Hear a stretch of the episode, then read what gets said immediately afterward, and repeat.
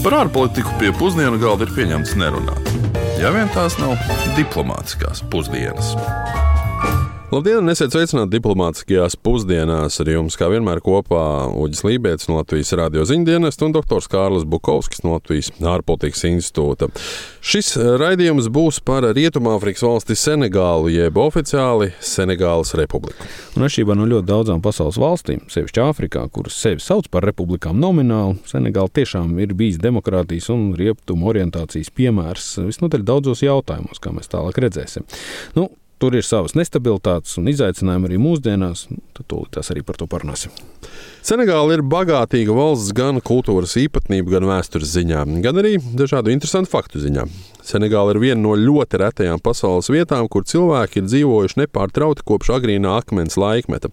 Bet Eiropiešu ietekme Senegālas teritorijā aktīvi kļuva tikai kopš 15. gadsimta, kad par vietu cīnījās gan portugāļi, gan briti, gan francūži, gan nīderlandieši. Un viens no centrālajiem iemesliem tam ir labvēlīgā geogrāfiskā atrašanās vieta, kas ļauj veiksmīgi nodrošināt transatlantisko vergu tirdzniecības biznesu. Gorijas sala mūsdienās ir viens no septiņiem Senegāla atrodamajiem UNESCO pasaules kultūras mantojumiem. Tā ir bēdīgi slavena kā centrālā vieta, caur kurien no Āfrikas tika izvesti cilvēki verdzībai citās pasaules vietās. Un um, Gorijas sala saglabāja savu statusu visu šo vergu tirzniecības uzplaukumu laiku no 15. līdz 19. gadsimtam. Tādēļ tā arī bieži vien ir iesaukta kā durvis uz neatgriešanos. Un tiek lēsts, ka šīs transatlantiskās verdzības procesu rezultātā no Āfrikas tika izvesta apmēram 20 miljoni cilvēku. Un arī pašā laikā trešā daļa no paša Senegālas iedzīvotājiem arī bija verdzībā līdz pat 1815. gadam, kad visā Francijā tā tika atcelta. Senegāla saglabāja Francijas kolonijas statusu no 17. gadsimta līdz 1960. gadam, kad tā ieguva pilnīgu neatkarību.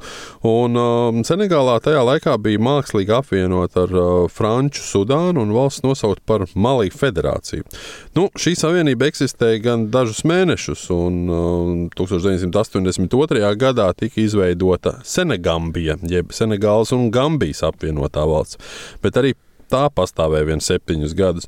Nu, bet tagad gan paklausīsimies Ulda Česbera veiktās ielu intervijas, kur par šo valsti savas zināšanas paudīsiet jūs klausītāji. Senegāla varbūt ar kaut ko asociējas. Ir dzirdēts, kaut kur siltajas zemes. Man liekas, kā Afrika. Godīgi sakot, neko pārāk nezinu. Nevaru pateikt, neko nav informācijas. Nē. Āfrikas valsts, nu, derīgie izrakteņi droši vien daudz, daudz strādā, audzē eh, nu, teiksim, kaut kādus dienvidu augus. Ļoti labi futbola komanda viņiem ir. Futbols Sadio Manē, Āfrikā, Rietumkrasts, Franču koloniālā vēsture, Francijas kolonija bijusi. Tā ir Āfrikas kontinents, droši vien nabadzīga valsts, droši vien tur ir karsts un problēmas laikam tur ir, bet nu, neesmu bijusi un arī negribas. Mūsdienās vairāk nekā 18 miljonus iedzīvotāju lielā demokrātiskā musulmaņu valsts ir politiski viena no stabilākajām valstīm Āfrikā. Neskatoties uz to, ka Senegālā pastāv vardarbīgas separātistu kustības un Senegālas sociālistiskā partija valdīja valstī 40 gadus kopš valsts izveidas līdz pat 2000. gadam, kā arī to, ka prezidents Aldulāja Veids mainīja konstitūciju vairāk nekā 12 reizes, lai paplašinātu izpildvaras noteicošo lomu valstī, valsts tāpat ir pierādījusi, ka demokrātijas normas sabiedrībai ir visnotaļ tīkamas precīzi.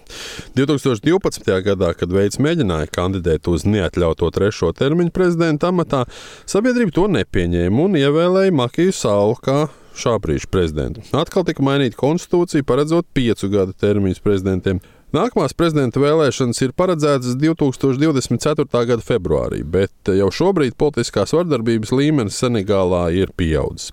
Daudz pasaulē jau sāk skatīties, vai Senegāla nekļūs par nākamo Rietumāfrikas valsti, kurā notiks autoritīvs uh, apvērsums. Pēdējo trīs gadu laikā ir notikuši astoņi veiksmīgi valsts apvērsumi šajā reģionā. Nu, runa ne tikai par prezidenta Saules pilnvaru beigšanos un viņa politiskajām ambīcijām, bet arī virkni citu kandidātu, kur tos tostarp aicina arī uz attiecību pāraušanu ar valsts iedzīvotājus, pēdiņās eksploatējošo Franciju. Šī nākamā gada vēlēšanas uh, notiks laikā, kad valsts iedzīvotāji saskars ar virkni globālu izaicinājumu vienlaicīgi. Un runa ir par to, ka tradicionāli valstī nav bijuši nozīmīgi nozīmīgi derīgie izrakteņi, un dzelzs, fosfātu un zelta atradnes ir relatīvi nelielas. Arī nesenās naftas un gāzes iegulu atrašanas un attīstīšana tikai sāka mainīt ekonomisko vidi, bet nu vēl nav kļuvuši par pilnvērtīgām uh, cilvēku nodarbinošām industrijām. Un, kā mēs arī ļoti bieži esam redzējuši, tad riski, ka nu, no naftas un gāzes iegulām daudzās valstīs ienākumi nonāk šauru grupu rokās, arī ir visnotaļ pamatoti. Senegāls būtiskākās ekonomiskās priekšrocības ir bijusi geogrāfiskā atrašanās vieta un arī politiskā stabilitāte. Tā ir ļaus piesaistīt aptuveni 2 miljardus eiro lielas ārvalstu investīcijas šo gadu laikā. Nu, sevišķi te jāatzīmē tas, ka Senegāls galvaspilsēta Dakara ilglaicīgi bija arī franču kapitāla finanšu centrs Āfrikas kontinentā. Nu, vienlaikus 75% no valsts iedzīvotājiem strādā lauksaimniecībā, kur tie pamatā audzē rīsus un kukurūzu. Lielais vairums pašu iztikai. Eksportā tikmēr aiziet zaļās pupiņas, tomāti, ķirši, tomātiņi, kā arī mango un arbūzi. Senegāls lauksaimniecības sektora galvenā īpatnība gan ir, ka laukiem īsti nav ierīkotas irigācijas sistēmas. Nu, runā apmēram tikai 5% esot. Raža attiecīgi ir atkarīga no lietus ūdens. Un lietus ūdens ir atkarīgs no vidas un klimata, nu, tostarp arī klimata pārmaiņām. Un, attiecīgi, ne tikai Senegālai nozīmīgais zvejniecības sektors, bet arī sabiedrības iztikai fundamentāli svarīgā lauksaimniecība ir pakļauta mm, dabas untumiem. Daudz vairāk nekā tenīs valstīs, kur tiek pielietotas tehnoloģijas, un starp citu, tostarp arī finanšu tehnoloģijas, kā subsīdijas, šo problēmu mīkstināšanai. Kā varat iedomāties, lauksaimniecībā strādājošo īpatsvars atstāja būtiski ietekmi arī uz politiku politisko procesu. Nu, ja jums trīs ceturdaļas cilvēku strādā lauksaimniecībā, tas nozīmē, ka zemniekam ir diezgan liela politiskā teikšana demokrātiskā valstī.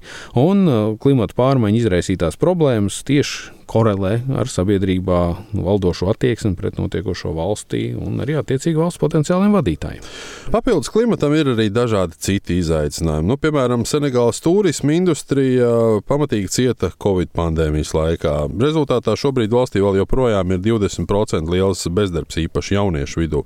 Un šeit atkal ļoti būtiski atzīmēt valsts demogrāfisko ainu, kas nu, ieliks dažas lietas plašākā perspektīvā. Bērnu un jauniešu Senegālā ir 60% no visiem iedzīvotājiem, nu, proti, divas trešdaļas iedzīvotāju ir vecumā zem 25 gadiem.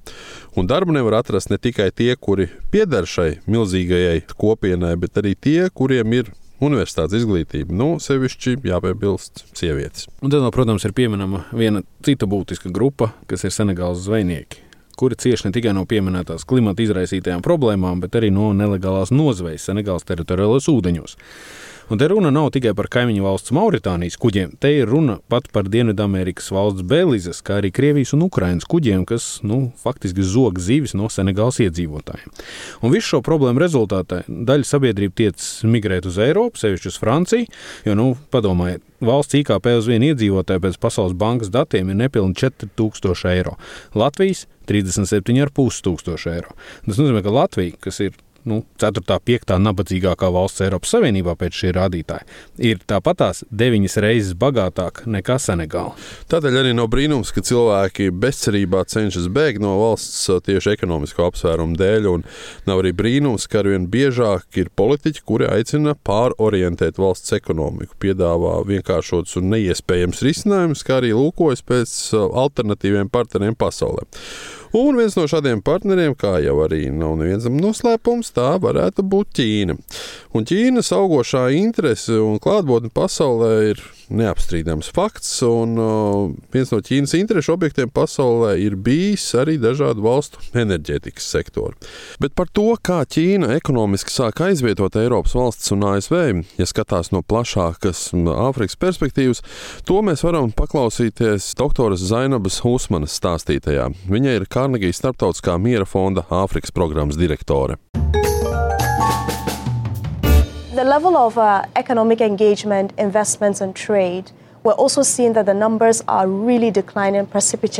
Ekonomikas iesaistes, investīciju un tirdzniecības apjoms, piemēram, starp ASV un Āfrikas valstīm pēdējos gados ir samazinājies. Ja 2008. gadā tie bija aptuveni 160 miljardi dolāru, tad tagad tie ir tikai nedaudz vairāk kā 60 miljardi. Ja mēs šos skaitļus pētām rūpīgāk, tad lielāko summu veido naftas un gāzes ieguve, nevis vienkārši tirzniecība, kas varētu pārveidot Āfrikas valstu ekonomikas. Tas ir pilnīgi pretēji tam, kas notiek ar Ķīnu. Tās tirdzniecība ar Āfrikas valstīm pēdējos divos gados ir sasniegusi vēsturiski augstākos apmērus - vairāk nekā 250 miljārdus dolāru. Es teiktu, ka šī situācija ļoti lielā mērā ir saistīta ar rietumu mediju uzturēto narratīvu par Āfriku. Šeit joprojām valda novecojušie priekšstati par to, ka Āfrika ir konflikta plosīta un tur visu laiku ir humanitārās krīzes. Diemžēl tas ietekmē to, kā vienkāršie rietumu pilsoņi uztver Āfriku, un viņa sadarbību ar šo reģionu uzskata par ļoti apgrūtinošu. Taču Āfrikas valstīm ir nepieciešams investīcijas, īpaši infrastruktūrā. 2000. gadu sākumā daudzas Āfrikas valstis investīciju meklējumos vērsās tieši pie Ķīnas, jo nevarēja tās saņemt no divpusējiem rietumu aizdevējiem, Pasaules bankas vai citiem aizdevējiem. Nepieciešamība pēc šīm investīcijām nekur nav zudusi, un joprojām ik gadu būtu nepieciešami ap 150 miljardiem dolāru, un vēl aptuveni 50 miljardi, lai pielāgotos klimata pārmaiņām mainot labības, veidojot tiltus un citu nepieciešamo infrastruktūru. Tajā visā rietumi varētu palīdzēt, taču ir nepieciešams mainīt domāšanu. Āfrika būtu jāuztver ne tikai kā problēmu kontinentu, bet kā vietu, kur, domājot inovatīvi, var panākt labus rezultātus gan pašai Āfrikai, gan investoriem un sadarbības partneriem. Ja mēs paskatāmies uz to, ko tik labi dara Ķīna, Turcija un vēl dažas valstis, viņas šo domāšanu jau ir mainījušas. Ja jūs runāsiet ar ķīniešu uzņēmējiem vai investoriem, daudz teiks, ka viņi atsevišķas Āfrikas daļas saredz kā Ķīnu pirms gadiem 20. Tur ir saskatāms potenciāls. Āfrikā tomēr ir milzīgs vidusslānis, kuram ir nepieciešami pakalpojumi, skolas, slimnīcas un citas vajadzības. Jā, Āfrikā ir izaicinājumi, taču ir arī milzīgas iespējas. Un visbeidzot, Āfrikai ir milzīga nozīme dažādos globālos jautājumos. Jebkas, kas notiek Āfrikā, ietekmēs to, kas notiek citur pasaulē. Paskatieties, piemēram, kāda ir Āfrikas ietekme, kad apvienotajās nācijās tiek izskatīti Ukraiņas jautājumi. Mēs nevaram ignorēt Āfriku. Kas notiek Āfrikā, ir nozīmīgs arī pārējai pasaulē. What, what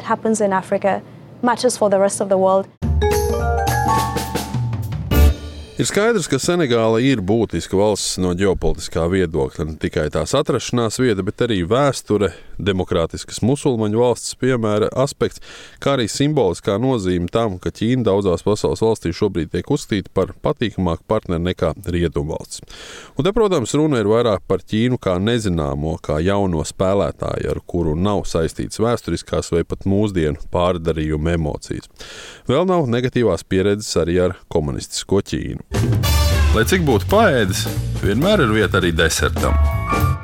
Un tagad nedaudz paturpinot tevis tik, tikko secināto un tādā desertam pienācīgā saturā ieliekot, Senegālas galvaspilsētā Dakarā ir atrodama Āfrikā augstākā statuja. Tā ir 50 metrus augsts bronzas piemineklis, kurā ir attēlots puskāls afrikāņu vīrietis, kurš vienā rokā tur bērnu, un otrā apskāvis relatīvi atkailināta sieviete. Un piemineklis ir veltījums afrikāņu pretošanās kustībai. Kā saprotat, pretošanās pret rietumu koloniālismu.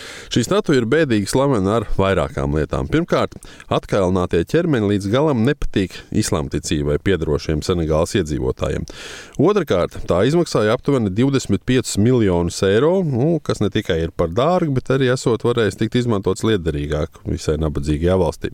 Nu, treškārt, to dizainēja un cēla Ziemeļkorejiešu kompānija, kura izrādās ir vairāk līdzīgi projekti bijuši arī citās Āfrikas valstīs. Nu, kas gan būtu domājis, ka statuju dizainēšana var būt Ziemeļkorejiešu bizness.